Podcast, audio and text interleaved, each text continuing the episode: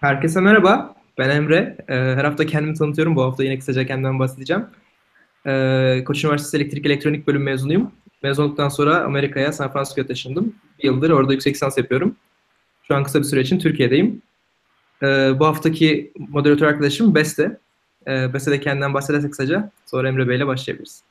Herkese merhabalar. Beste Dağlı ben. Sabancı Üniversitesi Yönetim Bilimleri 2. sınıf öğrencisiyim. E, bugünkü konuğumuz Emre Yakşi. E, kendisine sorularımız olacak. E, öncelikle videonun altında belirtmiştik e, özgeçmişini kendisinin ama e, bir de eğitim ve kariyer yolculuğunu kendisinden dinlemek istiyoruz. Söz Emre Bey'de. Merhabalar, Emre ben, Emre Yaksi. E, şu an e, Norveç Teknik Üniversitesi'ndeyim. Kavli e, Sistem Bilimleri Enstitüsü'nde profesörüm. E, en baştan mı başlayayım o zaman arkadaşlar? İzmirliyim. 1978 doğumluyum. Ee, İzmir'de e, liseyi, her ortaokulu falan bitirdikten sonra Ankara'da e, Orta Doğu Teknik Üniversitesi'nde genetik mühendisliği okudum. Ondan sonra e, master için Almanya'ya gittim. Heidelberg e, şehrine, Heidelberg Üniversitesi'ne. Orada aslında master'ımı moleküler biyoloji diye e, başladım. Moleküler biyoloji ve genetik olarak. Ondan sonra bir anda böyle e, hayatım değişti falan. Sinir bilimlere döndüm. E, master tezimi hatta sinir bilimlerinde tamamladım. E, Max Planck Enstitüsü e, Biyomedikal e, Araştırmalar bölümünde. Doktoramı da orada yaptım. Yine sinir e, sinir bilimleri üzerine. Daha çok hep teknoloji geliştirme üzerineydi. Mikroskopi e, teknikleri falan geliştirme üzerineydi. E, be, beyin aktivitesini ölçmek için gereken mikroskopi teknikleri. Ondan sonra e, Almanya'dan sonra postdoc yapmaya yani doktora sonrası e, çalışmalar için Amerika'ya gittim Boston'a, Harvard Üniversitesi'ne. Orada yine nörobiyoloji yani sinir bilimleri e, bölümünde e, postdoktoramı yaptıktan sonra e, yani 2007-2010 yılları arasıydı postdoktoram Boston'da. 2011 yıl 11 yılının başında Belçika'ya kendi grubumu dön kurmak için geldim. Ondan sonra Belçika'da e, Neuroelectronics Research Flanders diye bir enstitü vardı. E, mühendislik bilimleriyle e, hayat bilimlerini böyle birbirine iyice karıştırıp hani teknolojiler geliştirmeyi amaçlayan. E, orada kendi grubumu ilk defa kurdum. 4 sene orada kaldım. 2015 yılının başında da şimdi e, Norveç'e taşındım. Burada yine tabii kendi grubumu devam ediyorum. iki buçuk senedir.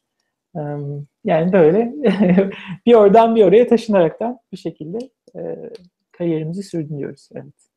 Çok teşekkür ederiz. İsterseniz ilk soruyla başlayalım. İlk soru Ayşenur Öner'den gelmiş. E, merhaba, nörobiyoloji alanında çalışmak istediğinizde nasıl karar verdiniz diye sormuş. Hmm. Aslında e, yani nasıl diyeyim karardan çok bir şekilde hani insanın önüne gelen fırsatlar. E, çünkü dediğim gibi ben genetik bölümünü okudum. E, Almanya'ya geldiğimde de yine böyle virüslerle falan çalışmayı düşünüyordum. E, işte virüsler, aşı geliştirme falan o tip bilimlerde. Ondan sonra çalıştığım laboratuvarda yani staj yaptığım laboratuvarda işler pek güzel gitmedi. Ee, yani bir hoca emekli oluyordu zaten. Onun öğrenci alacak durumda değildi. Diğer hoca da pek aramız iyi olmadı. O nedenle başka laboratuvar araştırmaya başladım. Bu sırada da ek iş yapıyordum. Balık tankları falan temizliyordum böyle part time job olarak. Ondan sonra o ek iş yaptığım laboratuvarın hocası şey dedi. Eğer dedi hani böyle bir şeylerle ilgili sen e, neden gelip bende staj yapmıyorsun? Ben de tamam dedim. Öyle e, neuroscience çalışmaya başladım. Yani tamamen tesadüf eseri. E, ve bir baktım gerçekten hani çünkü hiç yani Türkiye'deyken neuroscience yani sinir bilim eğitimi almadığı için pek bilmiyordum neuroscience nedir ne değildir falan şeklinde. Ve bir baktım gerçekten muhteşem bir e, çalışma alanı.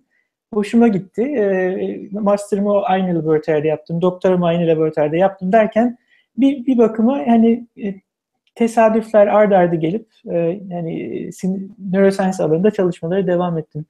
E, hani nasıl diyeyim buradan benim için en azından alınacak ders. E, genelde benim öğrencilere tavsiyem hani tabii ki önemli böyle hani hayatta işte hedeflerinizin olması. Fakat bazen bilmiyorsunuz hayat önünüze ne çıkaracak. E, o yüzden hani elinize gelen fırsatları da değerlendirmek önemli ve benim için e, dediğim gibi hani Türkiye'de hiç e, neuroscience ya da nörobiyoloji çalışmadığım, okumadığım için ne kadar güzel bir şey olduğunu bilmiyordum böyle bir şekilde tesadüfi e, sinir bilimler, sinir bilimleri çalışmaya başladım ve şu an yani gerçekten memnunum yaptığım işten. Teşekkür ederiz. Bir sonraki sorumuza devam edelim. ODTÜ'de moleküler biyoloji ve genetik okudunuz. Bu bölümü okuma kararını nasıl aldınız? Bölüme girmeden önce üniversite sınavına hazırlanırken bölümle ilgili araştırma yapmış mıydınız? Bu aslında bize çok gelen bir soru. Çünkü hmm. e, Türkiye'de biliyorsunuz e, üniversiteye hazırlanırken insanlar hani bölümlerin e, evet, evet, evet. içeriğini bilmeden giriyor ve bazen hani 2-3 yıl okuyup son sene bile bırakıp başka evet, bir bölüme evet. gitmek isteyen oluyor. Bu konu hakkında siz ne düşünüyorsunuz? Evet, e, Nasıl? açıkçası ben kendim de dahil olmak üzere herkes böyle işte ben ben, ben doktor olacağım falan diye düşünüyordum. Ondan sonra e, tam benim başvurduğum yıldan bir sene önce genetik bölümleri açılmaya başladı. Hani ben doktor hani tıp okusam bile yine bilim yapmak istiyordum. Genetik bölüm benim için böyle bir fırsat oldu. Daha değişik bir şey araştırma hani direkt araştırmaya e, nasıl diyeyim e, o, o, yani e, kanalize olmuş bir şekilde. E, ve hani bir, biraz da riskli çünkü hani biliyorsunuz tıp okuduğun zaman işiniz garanti falan e, genetik kimse bilmiyor. Neyse öyle bir şekilde yine de kararımı aldım. Hani ailemle de konuştuktan sonra böyle genetik bölümünü yazdım ve bir şekilde oldu. E, e, bayağı da güzel bir eğitim aldık bence. E, ama hani bir şey sordum mesela insanlar bölüm değiştiriyor falan. Bence e, açıkçası çok güzel bir şey. Hani onu yapabiliyorsanız eğer üniversiteniz size öyle bir fırsat tanıyorsa gerçekten bence hani baktığınız atıyorum işte sosyolojiye mi girdiniz? Psikoloji ilginizi çekiyor. Neden olmasın? Tabii değiştirip hani hani çünkü gerçekten hani bir bölümü okumadan hatta bir işte çalışmadan ne olduğunuzu pek bilmiyorsunuz. İnsan hani büyüdükçe, insan yani olgunlaştıkça bu e, alanlardaki vizyonu da gelişiyor. Bence o yüzden hani kesinlikle o konuda şey yapmayın, e, nasıl diyeyim, e, çekin, çekigenlik yapmak gibi bir durum olmasın. Çünkü bilhassa bence şimdi mesela şimdi geriye bakıyorum. Gerçekten hani benim okuduğum bölüm gerçekten güzel bir bölümdü. Ancak hani başka bir şey olsa nasıl olurdu falan diye sorarsanız ben büyük ihtimalle şey derdim. Keşke mühendislik bölümleri okusaymışım. Şöyle, e, çünkü mühendislikte aldığım eğitim şu an mesela benim laboratuvarımda neredeyse laboratuvarın üçte biri mühendis. Elektronik mühendisi var, biyomedikal mühendisler var, e, çevre mühendisi var, e, fluid dynamics çalışan mekanik, e, diyeyim, makine mühendisleri var. Yani şey böyle, e, mühendislik eğitimi çok böyle kapsamlı bir eğitim. Emre sen mühendislik okudun zaten değil mi? Biliyorsun mesela hani signal processing olsun yani işte sinyalleri işlemesi olsun ya da differential equation'lar olsun ya da software e, hani yazabilme kabiliyetleri olsun. Genel olarak hani e, sinir bilim çalışmak isteyen öğrenciler olsanız bile açıkçası e, mühendislik okumanın çok büyük avantajları var. E, tabii ki dediğim gibi hani genetik okuduğum için daha değişik alanlardaki hani background'um da var baya. Fakat göreceksiniz, e, fark edeceksiniz. İlerideki meslekler hep böyle interdisipliner. Aslında ne okuduğunuzun pek de bir önemi yok. Çünkü asıl önemli olan kendinizi oku, hani okulunuz bittikten sonra ne kadar geliştirmeniz. O yüzden işte sinir bilimi okuduktan sonra mesela Almanya'ya geldim. Orada aslında doktoram yaptığım şey bölüm tamamen fizikçiler vardı. Yani tamamen optik çalışan adamlar vardı işte mikroskopi falan. E onlarla çalıştığınız zaman zaten bayağı bir öğreniyorsunuz. İşte software öğreniyorsunuz, optik öğreniyorsunuz e, applied maths öğreniyorsunuz. Yani bunlar e, e, uygulamalı matematik. Bunlar hep önemli şeyler. O yüzden dediğim gibi aslında çok da hani hangi bölümü okuduğunuzun da pek tabii ki önemi var. Asıl ama önemli olan onun üstüne ne koyduğunuz e, çalışmalardan sonra. Teşekkür ederiz cevabınız için. Ee, bir sonraki sorumuz e, yurt dışına gitmenizde ODTÜ'nün nasıl bir etkisi oldu? Olumlu olumlu. Yani bence inanılmaz etkisi oldu açıkçası. Çünkü hani ee, bir, şimdi sadece tabii ODTÜ değil, bir sürü çok güzel üniversite var Türkiye'de. Ee, ama herhalde ODTÜ'nün ve hani birçok diğer üniversite işte İTÜ olsun, Boğaziçi olsun hani etkilerinden biri bir kere e, İngilizce eğitim olması çok önemliydi. İki, hani insanın böyle özgüveni hani vermesi de çok önemli. Bakıyorsunuz sizin önceki bölümleriniz işte yurt dışına gitmiş, e, şuraya gitmiş, buraya gitmiş, hocalarınız gitmiş, gelmiş hani bayağı bir özgüven veriyor bu size. Hani şey diyorsunuz, piyasa değerim gayet fena değil, hiç de fena değil. O yüzden hani başvuruları falan yollarken de ya da o da mülakata falan gittiğiniz zaman bile hani bir açıkçası hani ODTÜ bizi hani biraz böyle dünya vatandaşı olarak yetiştiriyordu.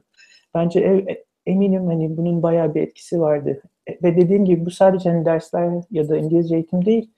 Genel olarak hani üniversitede atıyorum ilgi alanlarınız olsun, hobileriniz olsun. Bunlar hep böyle üst üste gelip hani sizin olgunlaşmanızı sağlayan şeyler. ve dediğim gibi hani ODTÜ elbette güzel bir üniversite ama hani Türkiye'de bunu sağlayan el, bayağı bir bayağı güzel üniversiteler var. Yani ODTÜ, Bilkan, İTÜ, e, Ege Üniversitesi olsun hani bir sürü şimdi adını e, saymadığım üniversiteler var.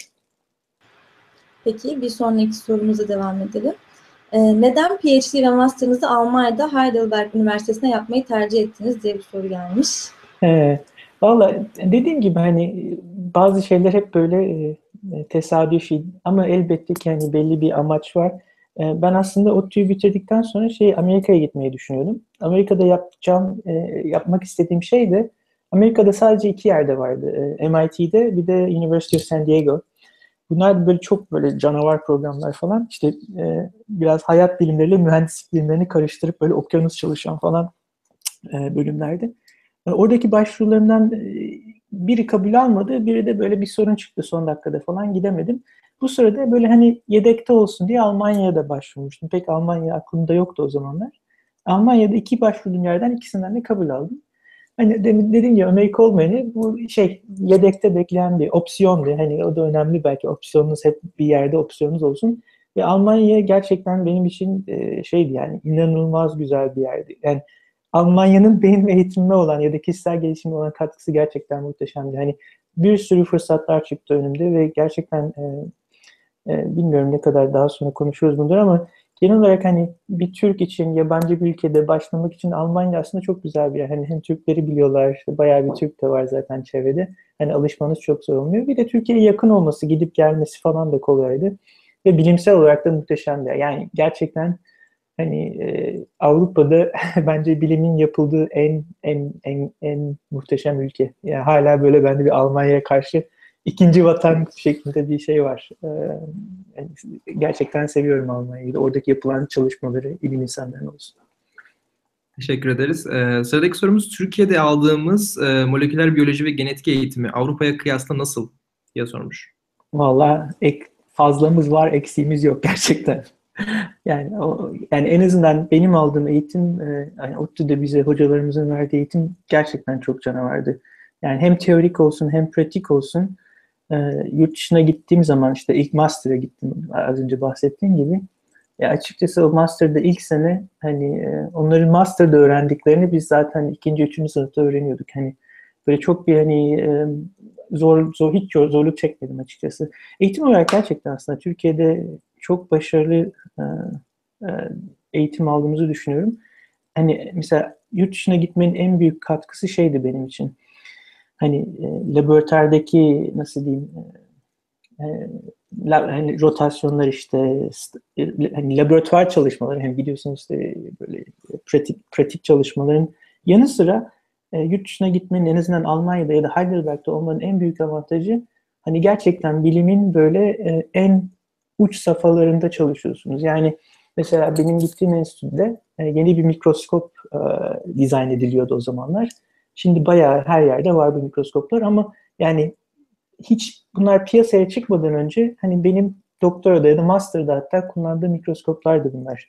E, multifoton mikroskop diyorlar işte beynin daha derin e, e, kısımlarına bakabilmek için. Hani böyle bilimin en uç safhalarında böyle nasıl diyeyim frontier diyorlar yani öncü safhalarında çalışan laboratuvarları görmek, onlarla çalışmak, Hatta ilk bir tane hocam dediğim gibi çalıştım. E, Hans Scheller, e, şimdi vefat etti. E, hepatit B aşısını bulan bir insandı. Yani böyle yani bakıyorsunuz inanılmaz insanlar.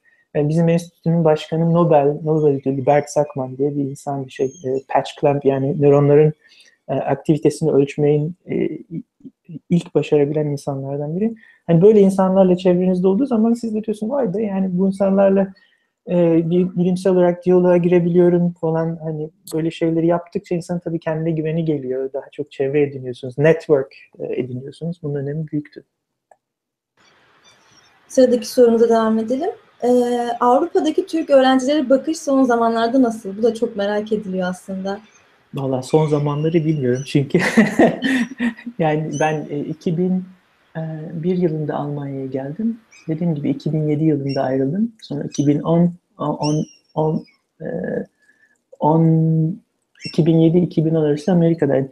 Valla e, mesela Avrupa hani her ülkesi bambaşka. O yüzden e, karşılaştırma hani Avrupa demek biraz zor ama şöyle mesela dediğim gibi Almanya'da genel olarak yabancılar için yaşam daha kolay. Çünkü çok fazla yabancı var. Hele bir de Türkseniz zaten e, bir sürü Türkler var her yerde. Bir de Alman halkı daha alışık Türklere ve açıkçası dediğim gibi ben Almanya'yı çok sevmiştim yani, e, yani hala benim için ikinci vatan gibi. Çünkü genel olarak Almanlar hani Türklere alışıklar hani nasıl diyeyim saygı duyuyorlar. E, ve yani öyle entegrasyon açısından da hiçbir sorun olmadı. Amerika'da genelde pek bilmiyorlar Türkiye'yi. E, Amerika'da fark etmiyor zaten nereden oldu, hani nereden geldiniz. Emre e, Amerika'da yaşıyor. E, o da herhalde büyük ihtimalle beni konfirme eder ama yani kimse nereden geldiğini pek ilgilenmiyor, sormuyor bile. O yüzden hani yabancı olmak çok zor değil. Ama Avrupa'nın diğer ülkelerinde mesela daha ufak ülke, Belçika'da biraz daha değişti. Çünkü ülkeler daha küçük olduğu zaman insanlar işte atıyorum köylerine daha böyle işte doğdukları yerlerde yaşıyorlar. O yüzden herkesin kendi çevresi var. Ben öğrenci olmadığım için çok fazla hissetmedim ama mesela ufak ülkelerde işte Belçika olsun, Hollanda olsun, atıyorum İsviçre olsun e, yabancı olup ol, olunca entegrasyon biraz daha zor. Almanya büyük olduğu için Almanlar mesela atıyorum Hamburg'daki bir Alman geliyor Heidelberg'e okumaya. Ailesi hepsi Hamburg'da. Yani sen onun ailesi oluyorsun. Beraber hani, atıyorum beraber yaşıyorsunuz, beraber bir şeyler yapıyorsunuz, arkadaş oluyorsunuz. O yüzden entegre olmak daha kolay. Ama ufak ülkelerde biraz daha zor olduğunu düşünüyorum. Bir de dil olarak Almanlar hani e, İngilizceyi falan çok iyi konuştukları için o da daha tabii rahat oluyor. Yani genel olarak Kuzey Avrupa e, güneye göre daha kolay e, entegrasyon açısından çünkü herkes İngilizce biliyor. Mesela Fransa'ya gitseniz, İtalya'ya, İspanya'ya gitseniz ya da Portekiz falan İngilizce bilmeyen çok yani bayağı bir kişi İngilizce bilmediği için komünikasyon zorluğu olabiliyor tabii. Çok teşekkür ederim cevabınız için. Demek sorunun devamı olarak bir soru gelmiş. E, Türkiye'de eğer eğitim o düzeydeyse sizce neden Nobel, patent, makale yazımında Avrupa ve Amerika'nın gerisindeyiz diye sormuş. Hmm. Valla yani açıkçası ne kadar gerisinde o Türk bilim adamları hiçbir şeyin gerisinde değil bence. Yani yurt içinde çok canavar işten, işler yapan Türk bilim insanları var. Ve inanılmaz sayıdalar gerçekten. Bunun hani öyle bir hani atıyorum Türklükle bir alakası yok. Hani neden patentimiz yok, neden aslında inanılmaz derecede Türk bilim insanları patent olsun, makale olsun, Nobel ödülü olsun e, Aziz Hoca'da olduğu gibi bayağı e, iyi işler yapıyor. Bu neden Türkiye'de olmuyor? O daha böyle hani toplumsal bir herhalde soru. Veya şöyle düzeltebiliriz. Yani bu bilim insanları, bu Türk bilim insanları neden Avrupa Türkiye'ye gelmiyorlar mesela. Onu mu? Evet.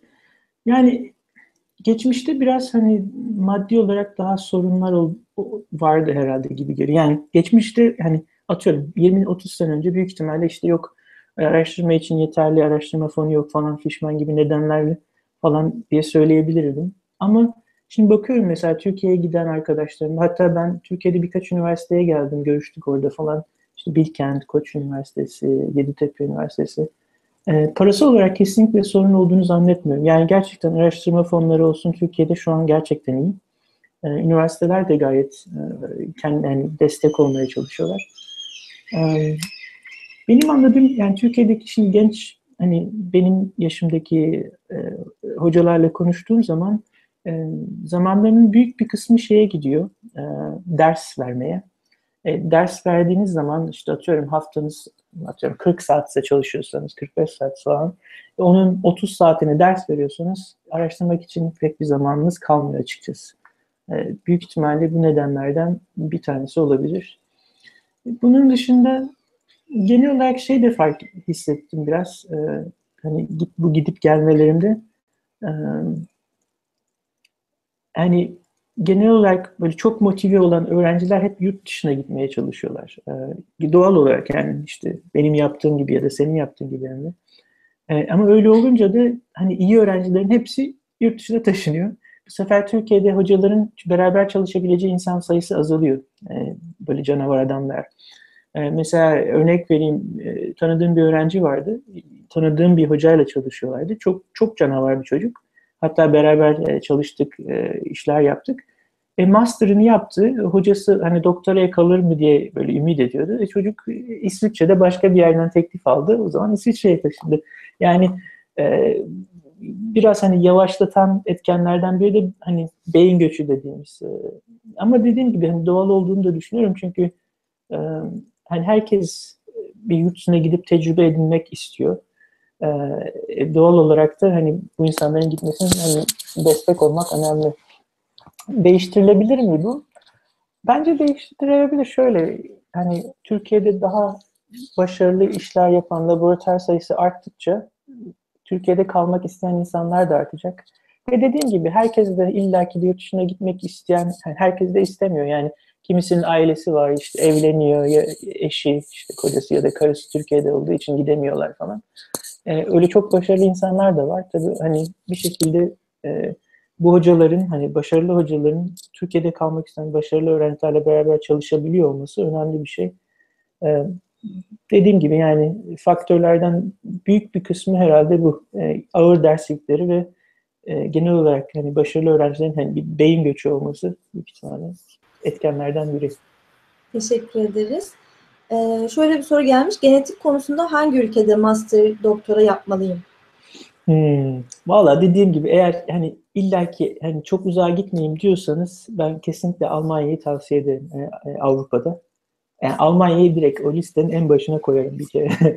e, ikinci olarak büyük ihtimalle İngiltere'yi koyabilirim. Fakat dediğim gibi İngiltere'de sorunlardan biri e, doktorunuzu hemen 3 sene içerisinde bitirmeniz gerekiyor. E, ve yaptığınız dala göre hani e, en azından benim yaptığım e, dallarda biyoloji olsun işte biyomedikal falan alanlarında 3 sene biraz kısa iyi bir doktora tezi yapmak için. O yüzden İngiltere'ye giden çoğu insan doktorasını çok da başarılı bir, iyi bir üniversiteye gitse bile mesela Oxford, Cambridge'e gitse bile hep 3 senede bitirmen lazım. 3 senede pek bir iş bitmiyor. O yüzden hani doktoralar biraz hmm, nasıl diyeyim yarım kalıyor İngiltere'de Oxford e, İngiltere'de yaptığımız zaman. Ama yine de tabii çok başarılı bilim insanları var İngiltere'de ve e, hani herkes İngilizce konuştuğu için entegrasyon sorunu da çok fazla yok. Avrupa'da herhalde Almanya'yı başa koyardım. İngiltere'yi ikinci sıraya koyardım. E, geri kalan yani 3 ve 4'e falan büyük ihtimalle böyle daha Kuzey Avrupa ülkeleri mesela Belçika ve Hollanda gerçekten başarılıydı bilim açısından. E, maaşlar çok iyi, yaşam standartları çok yüksek.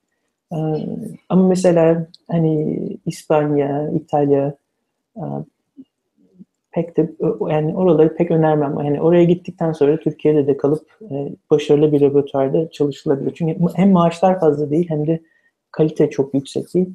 İskandinav ülkeleri fena değil ama genelde İskandinav ülkeleri ufak, e, küçük olduğu için de iyi bir laboratuvara giderseniz her şey yolunda. Fakat e, iyi bir laboratuvara gitmezseniz e, çevrenizde fazla opsiyon yok. O yüzden e, yani İskandinav ülkelere gittiğiniz zaman çok böyle birkaç tane enstitü var. İşte benim alanımda mesela Karolinska Enstitüsü var Stockholm'da. Bizim enstitümüz işte Norveç'te.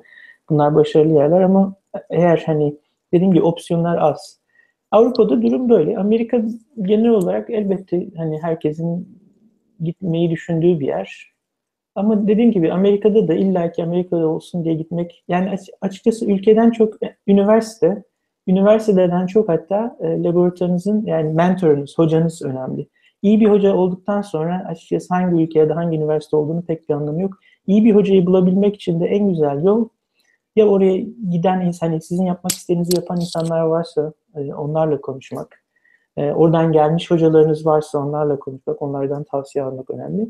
Ya da açıkçası açıp bilimsel dergilerde makaleleri okursanız oradaki insanların tabii hani hangi hoca ne yapıyor öyle şekilde de bulabilirsiniz.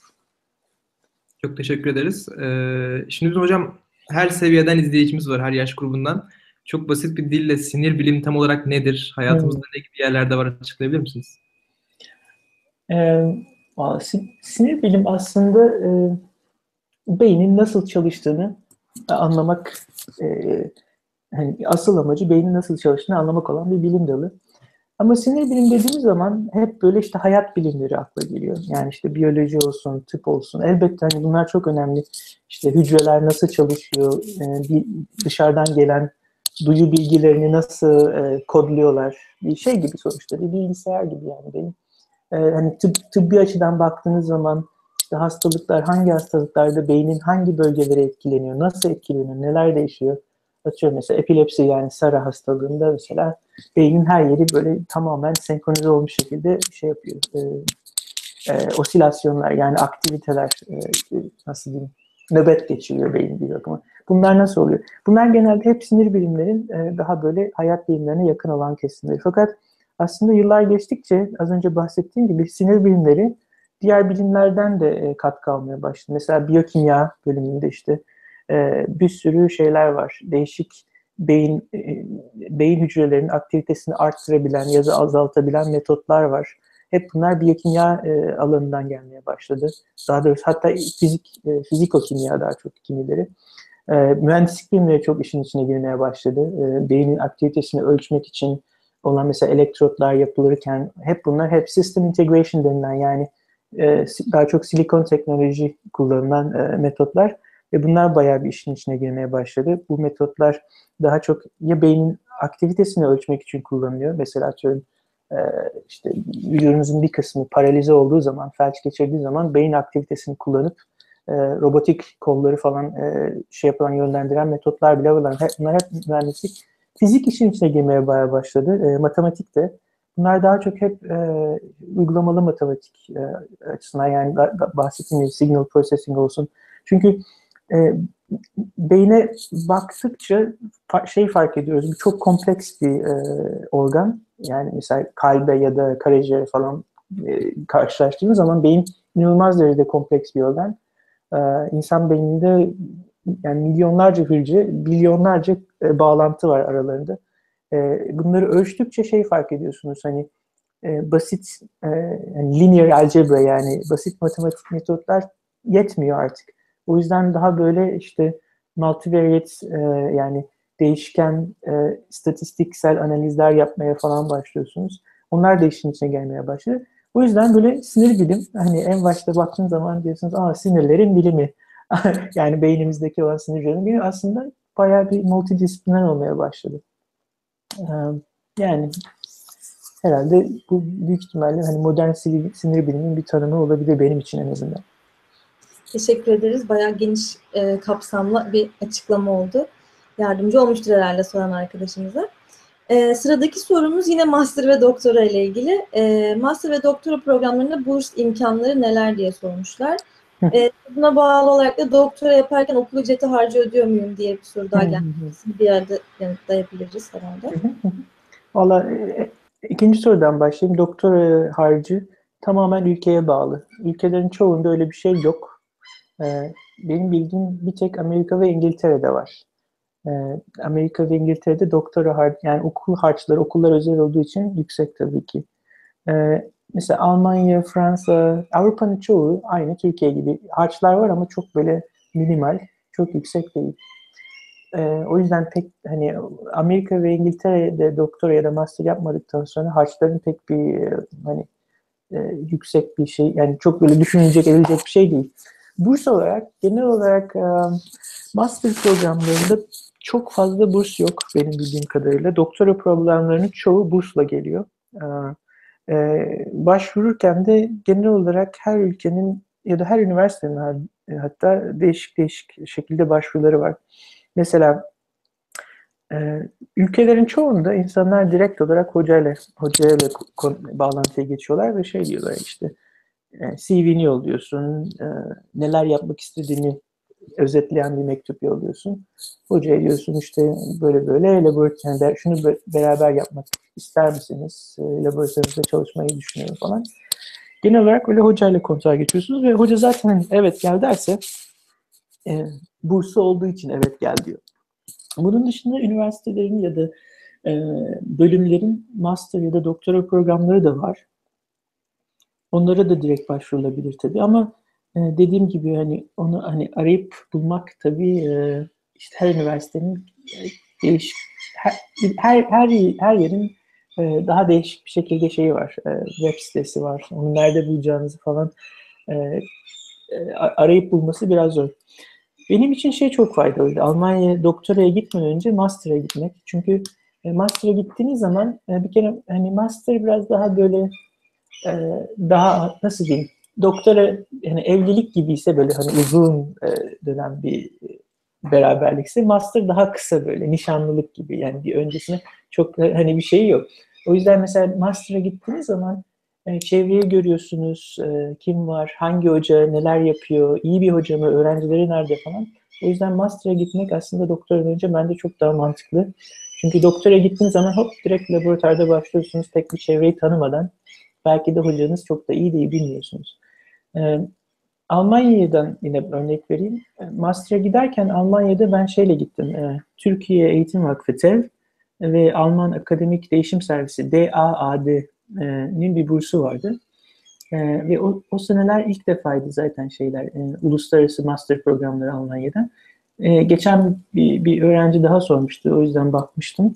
Bunlar, bu programlar hala devam ediyor ve hatta daha çok artırılmış şekilde devam ediyor. Bu programların çoğu da dediğim gibi bursla, e, yani bursla geliyor.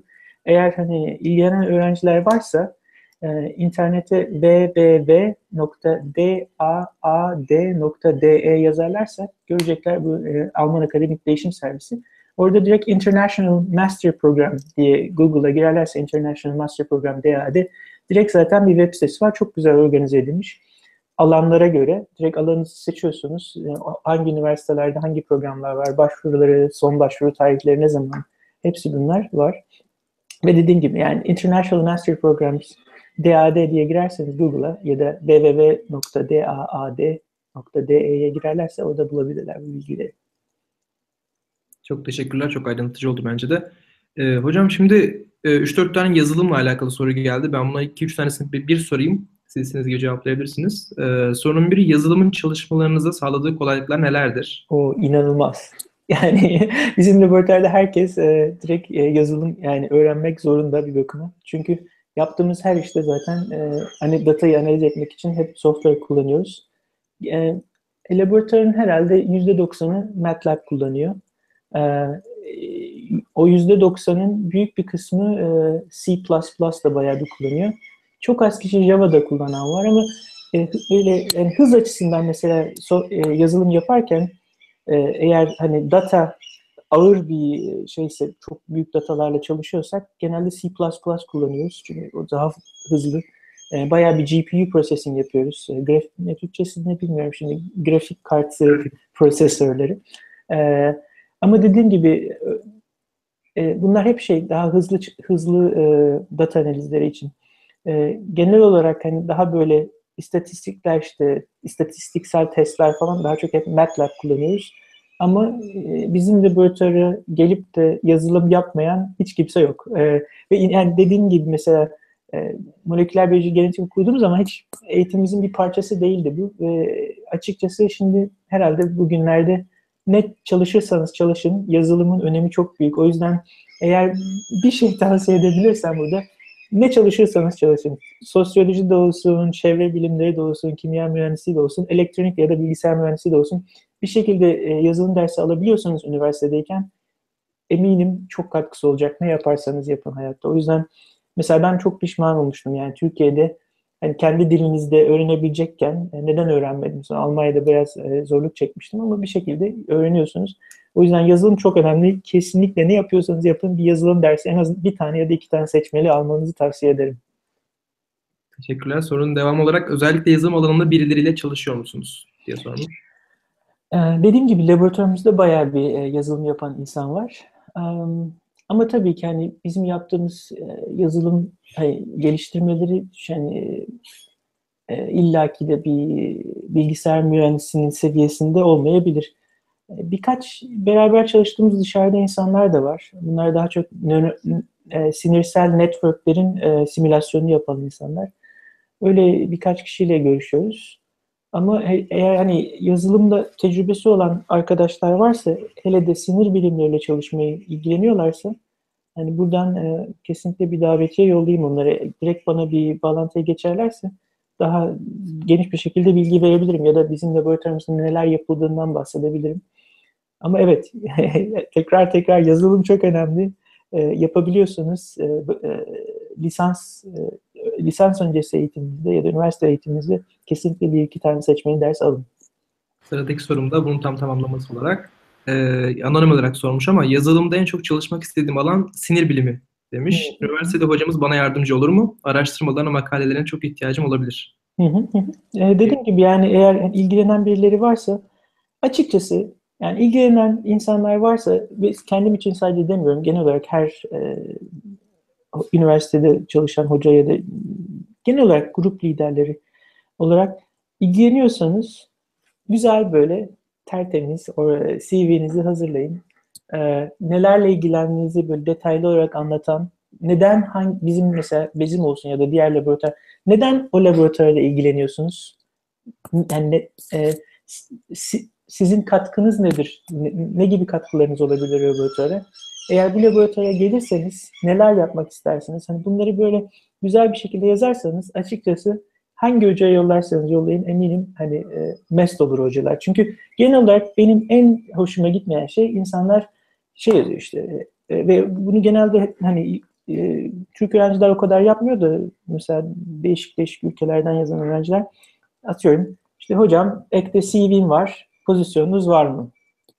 E, bunu yüzlerce hocaya atıyor. Ondan sonra yani insanın buna cevap yazısı bile gelmiyor bazen. Çünkü bakıyorsun adam hani şey yapmamış, yani emek vermemiş, neden senin laboratuvarına ilgilendiğini yazmamış, senin laboratuvara nasıl katkısı olabileceğini yazmamış, gelirse senden ne öğrenmek istediğini yazmamış, e, hangi projede çalışmak istediğini yazmamış. Elbette ki hani bir laboratuvara gelmeden bunları e, hani tam kesin olarak bilmek kolay değil ama eğer oturup da bunu düşünmüyorsa insan açıkçası e, o insan hani çalışmaya değecek, beraber çalışmaya değecek bir insan değil. Bu yüzden hani ilgilenen arkadaşlar varsa e, lütfen e, hani biraz düşünsünler böyle hani yazmadan önce ne istiyorlar, ne yapmak istiyorlar. Güzel de bir CV'lerini hani koyarlarsa e, elimden geldiği kadar hani cevap vermeye çalışırım. Çok teşekkür ederiz. Ee, sizce geleceğin bilimi nedir ve geleceğin mesleği nedir gibi bir soru gelmiş. E, e, ikinci soruyu tekrarlar mısın lütfen? Geleceğin bilimi nedir, geleceğin mesleği nedir? Geleceğin mesleği nedir? Valla dediğim gibi geleceğin bilimi nedir onu cevap vermek kolay değil. Ama nasıl bir şey olacağını az çok tahmin edebiliyorum. Geleceğin bilimi büyük ihtimalle çok böyle multidisipliner bir bilim olacak. İnsanların değişik alanlarda çalışan insanların beraber çalıştığı, atıyorum e, mesela bir mühendisle bir çevre bilimcinin ya da bir sosyoloğun beraber oturup çalışabilecekleri bir bilim dalı olacak bence bu. E, ve hep zaten bunlar birbirinin içine geçmeye başladı. Atıyorum jeoloji çalışan insanlar e, ya da meteoroloji çalışan insanlar daha çok matematik yapmaya başladı. E, e, kaos bilimi çalışmaya başlıyorlar. Mesela fizikçilerle beraber o modellemeyi de yapabilmek için. Büyük ihtimalle geleceğin bilimi hep bunların böyle e, birbirleriyle iç içe geçmiş bir şekilde e, hali olacak. Hangi alanlar olabilir diye sorarsan bence dediğim gibi böyle bu mühendislik uygulamalarının e, tıp ya da hayat bilimlerine uygulamaları büyük ihtimalle e, artacak. Atıyorum işte robotik protezler olsun, e, işte omurgadan mesela sinirsel e, sinirsel aktiviteyi ölçüp onu bir şekilde decode edip yani proses edip e, işte robotik armlar olsun ya da işte e? Brain Machine Interface diyorlar İngilizce'de. Yani beyin ve makinenin böyle iç içe geçtiği interfazlar. Büyük ihtimalle bunlar daha çok olacak ileride. Ve dediğim gibi böyle şeyleri yapabilmek için de insanların hep böyle e, biraz biyoloji olsun, biraz tıp olsun, biraz mühendislik olsun, biraz bilgisayar mühendisliği, makine mühendisliği, hep materyal mühendisliğine hep iç içe geçecek. Sanırım en azından hani her alanda bir şey devam elbette ki mümkün değil ama kendi alanımda bunun bayağı bir artacağını düşünüyorum ileride. Şey de eminim artacak. E, şimdi e, e, neural network diyorlar İngilizce'de. Yani nöral e, sinirsel networkler. E, mesela şimdi Google falan çok yapmaya başladı. İşte bu deep networkler. E, yani e, nasıl artificial intelligence Türkçesi? Yapay zeka. Yapay zeka. Sağ ol, teşekkürler. Emre. Yapay zeka eminim e, inanılmaz yani. E, bütün e, hayatımızı değiştirecek bir şey. E, ve yapay zeka e, hani az çok senin de tahmin edebileceğin gibi tamamen böyle mühendislik bilimle sinir bilimleri böyle iç içe geçmiş hali. Hem biz mühendislerden öğreniyoruz açıkçası yapay zeka. Yapay zekadan kendi beynimizin nasıl işlediğini öğreniyoruz.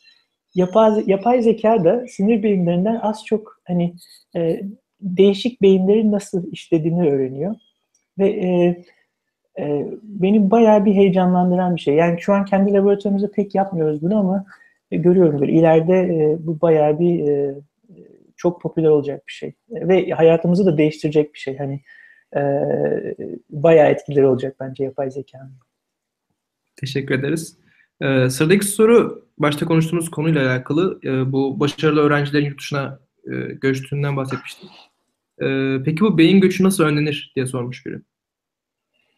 Ama dediğim gibi hani beyin göçünü önlemenin en en iyi metotlarından biri o öğrencilere iyi fırsatlar sağlayabilmek Türkiye'de.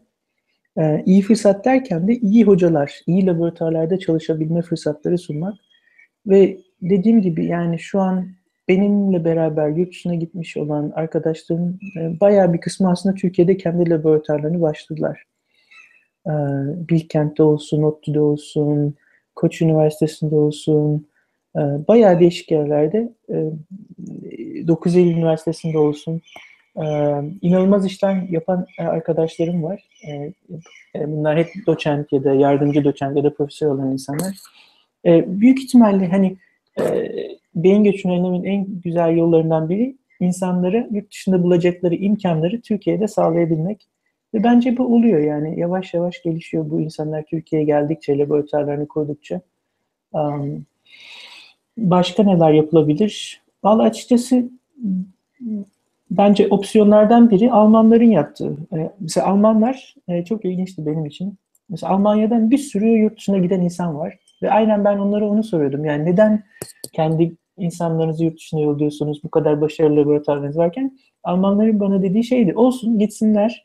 Onların mesela yüzde sekseni yurt dışında kalsa bile gelen yüzde yirmisi çok iyi eğitim alıp Türkiye, e, Almanya'ya gelecekler. Onlar için mesela o bir avantaj. Bir sürü insanı yurt dışına yolluyorlar.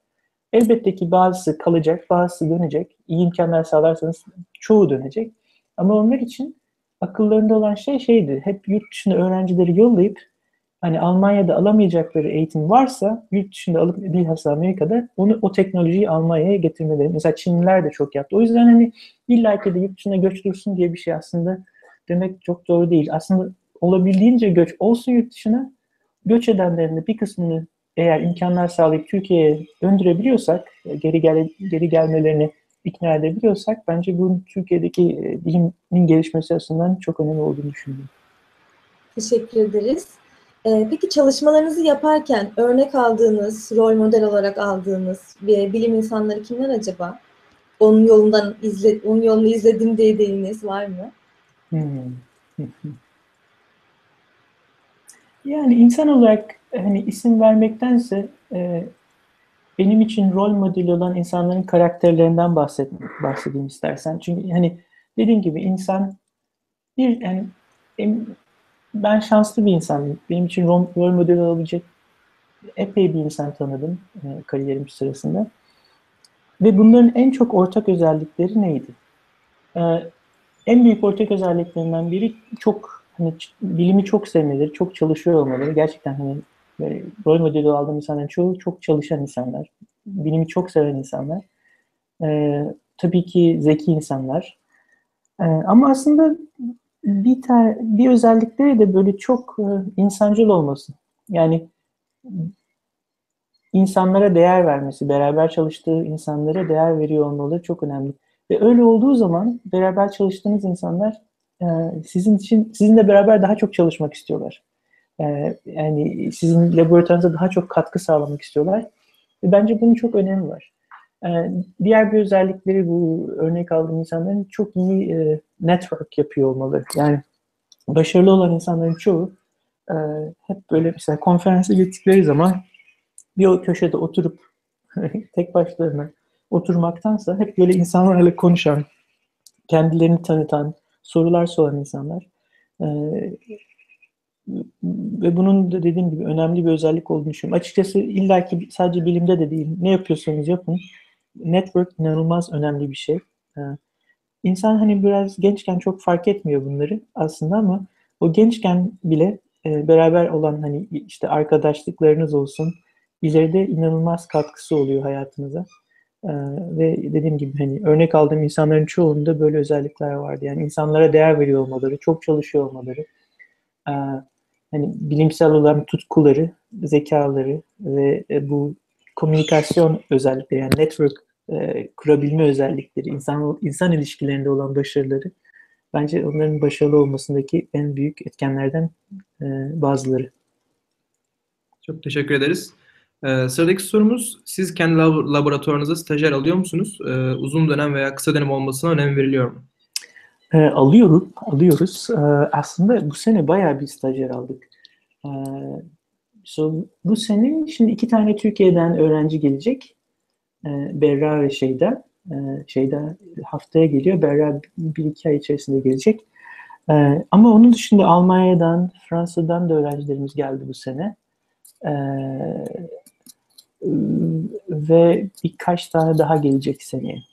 Yani evet kısacası alıyoruz. Ee, öğrencilerin çoğu şeyle geldiler. Hep Erasmus burslarıyla geldiler ee, dediğim gibi. Mesela eğer hani gelmeyi düşünen öğrenciler varsa e, kesinlikle ona göz atsınlar. Erasmus böyle şeyler için burs veriyor. Ee, TEV, Türk Eğitim Vakfı böyle şeyler için burs veriyor. Ve eminim başka da şeyler vardır yani burs veren e, ajanslar vardır. Ee, burs... Ek olarak e, bu stajyer olarak aldığınız kişilerde aradığınız kriterler nelerdir? Açıkçası e,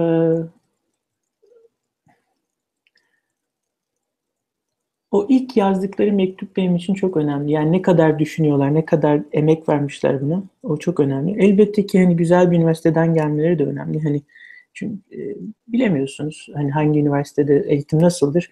O yüzden hani birkaç tane tanıdığınız üniversitede tanıdığınız hocayla çalışmış bir öğrenciler varsa bunun tabii etkisi çok büyük. Mesela gelen öğrencilerden bir tanesi çok yakın bir arkadaşımın, e, ODTÜ'de hoca olan bir arkadaşımın öğrencisiydi. Ona hani e, ona yazdım hani nasıldır bu öğrenci falan diye. O gayet başarılı olduğunu söylediği için e, e, davet ettim öğrenciyi. E, onun dışında dediğim gibi yani e, benim hoşuma giden şeylerden biri öğrencilerin böyle değişik alanlardan gelip ilgi duymaları. Atıyorum mesela işte bilgisayar mühendisliği okumuş bir öğrenci varsa eğer sinir bilimle ilgileniyorsa ya da atıyorum fizik okumuş bir öğrenci varsa ya da sinir bilimle ilgileniyorsa e, ben benim bir açımdan en azından pozitif bir şey bu. E, çünkü o, hani, o, o tip öğrencilerin laboratuvara getirileri de çok yüksek oluyor. Yani bizde olmayabilen, olmayan teknikleri falan biliyorlarsa önemli bir katkı olabiliyor. Ee, kısa uzun sorusuna cevap vermeye çalışayım. Açıkçası yani bir aylık falan kesinlikle e, staj yapmanın pek bir anlamı yok. En az bence 3 ay. 3 ee, ay böyle optimal bir süre. Çünkü genel olarak yaz tatiline falan da denk geliyor. 3 ay içerisinde bir şeyler öğrenip geldiğiniz yere bir şeyde katkı sağlayabiliyorsunuz. Ee, mümkünse yani açıkçası ben beraber çalıştığım insanların çoğu benimle master tezini yapmış olan insanlar. Onun çok büyük, bir avantajı var. Mesela öğrenci geliyor, master tezini yapıyor. Bir sene falan beraber çalışıyorsunuz. Hani az çok beraber çalışabilir misiniz? Ee, ilgi alanlarınız ortaklaşım, hani bir ortak ilgi alanınız var mı? Bir de kişisel kimya da çok önemli. Yani o bir sene içerisinde onları hep görebiliyorsunuz. Ve dediğim gibi açıkçası hani iyi öğrenci, iyi hoca elbette vardır. Ama en önemlisi e, o şeyin kimyanın hani beraber çalışıyor biliyor olmanın. Çünkü bazı insan mesela hep bekler. Yani hocası söylesin, yapsın, etsin falan diye. Bazı insan da çok şeydir böyle biraz nasıl diyeyim asidir. Hiç kimseyi dinlemek istemez. İlla ki ne istiyorsa onu yapmak ister. Yani insandan insana değişiyor. Bazı hoca hep böyle diyor benim dediğimi dinleyeceksin. O zaman mesela dinleyen öğrenci e, beraber çalışabiliyorsun. Bazı hoca da hiç kafasına takmaz. Ne istiyorsan onu yap der. O zaman da belki biraz asi olmak gerekiyor. Yani karakterlerin öyle beraber böyle e, birbirlerine tam oturmaları çok önemli. Benim bir sorum olacak. Ee, özgeçmişinizde biz şöyle bir not almışız. Ee, 2010-2016 yılında grup e, lideri olarak çalışmışsınız Belçika'da.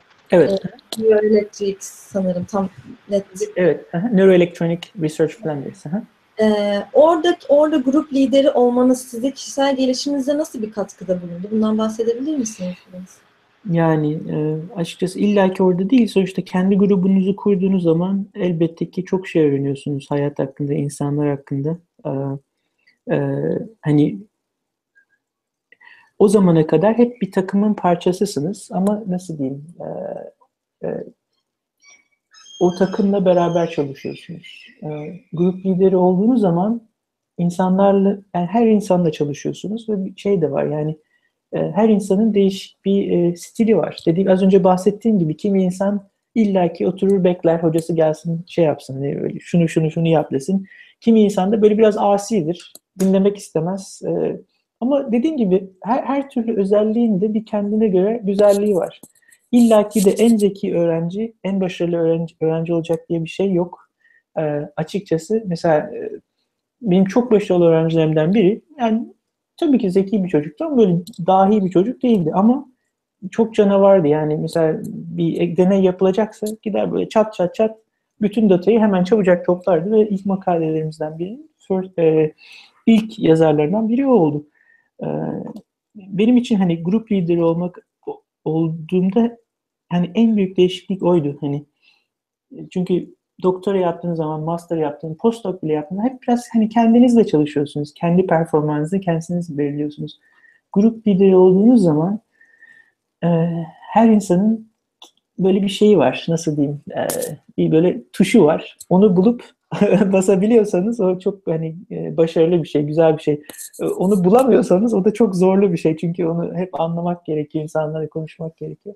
Benim için kişisel gelişim sorduğum için en büyük şey oydu.